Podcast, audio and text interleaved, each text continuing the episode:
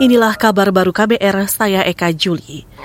Saudara Komisi Pemberantasan Korupsi KPK mengeklaim telah mengusut ratusan kasus korupsi selama 2023. Di antaranya, 130-an perkara di tingkat penyelidikan, 160-an di tingkat penyidikan, 130-an penuntutan, dan 120-an eksekusi.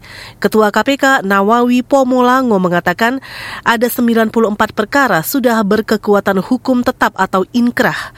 Penanganan perkara dugaan korupsi sebagian berasal dari pengaduan masyarakat. KPK menerima 5.079 laporan dari jumlah tersebut, 690 laporan diarsipkan dan 4.389 dilakukan verifikasi.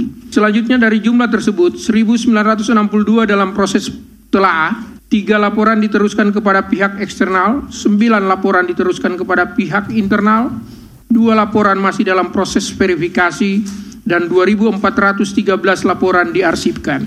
Ketua KPK Nawawi Pomolango juga menambahkan ada lima wilayah terbanyak dalam penyampaian pengaduan korupsi, yaitu DKI Jakarta dengan 760-an pengaduan, Jawa Barat 480-an aduan, Jawa Timur 430-an aduan, Sumatera Utara 350-an, dan Jawa Tengah 270 laporan.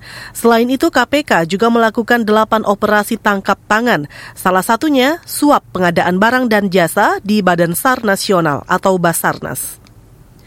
Beralih ke informasi lain, Lembaga Pengawas Pelayanan Publik Ombudsman RI mengidentifikasi ada masalah izin impor bawang putih pada tahun lalu. Izin yang diterbitkan Direktorat Jenderal Hortikultura Kementerian Pertanian melalui rekomendasi impor produk hortikultura tahun lalu mencapai dua kali lipat dari jumlah yang ditetapkan. Anggota Ombudsman RI YK Hendra Fatika mencatat jumlah impor bawang putih yang ditetapkan sebanyak 560-an ribu ton Sedangkan RIPH atau rekomendasi impor produk hortikultura yang diterbitkan mencapai 1,2 juta ton. Selain itu, dia juga mengungkap sengkarut permasalahan terkait penerbitan dan pengawasan RIPH bawang putih lainnya. Adanya pemberian dana biaya tanam bawang putih dari importir yang jauh dari kebutuhan petani. Diperkirakan, misalnya di daerah Temanggung, kebutuhan biaya tanam bawang putih per hektar per musim tanam sebesar 70 juta rupiah. Namun banyak importer yang hanya memberikan dana biaya tanam bawang putih kepada petani pelaksana wajib tanam bawang putih sebesar 15 juta sampai 20 juta rupiah. Anggota Ombudsman RI YK Hendra Fatika juga menambahkan, timnya di lapangan juga menemukan pungutan liar terhadap pelaku usaha dalam penerbitan RIPH atau rekomendasi impor produk hortikultura. Besaran pungli berkisar antara 200 sampai 250 rupiah per kilogram dari besaran RIPHA yang diterbitkan.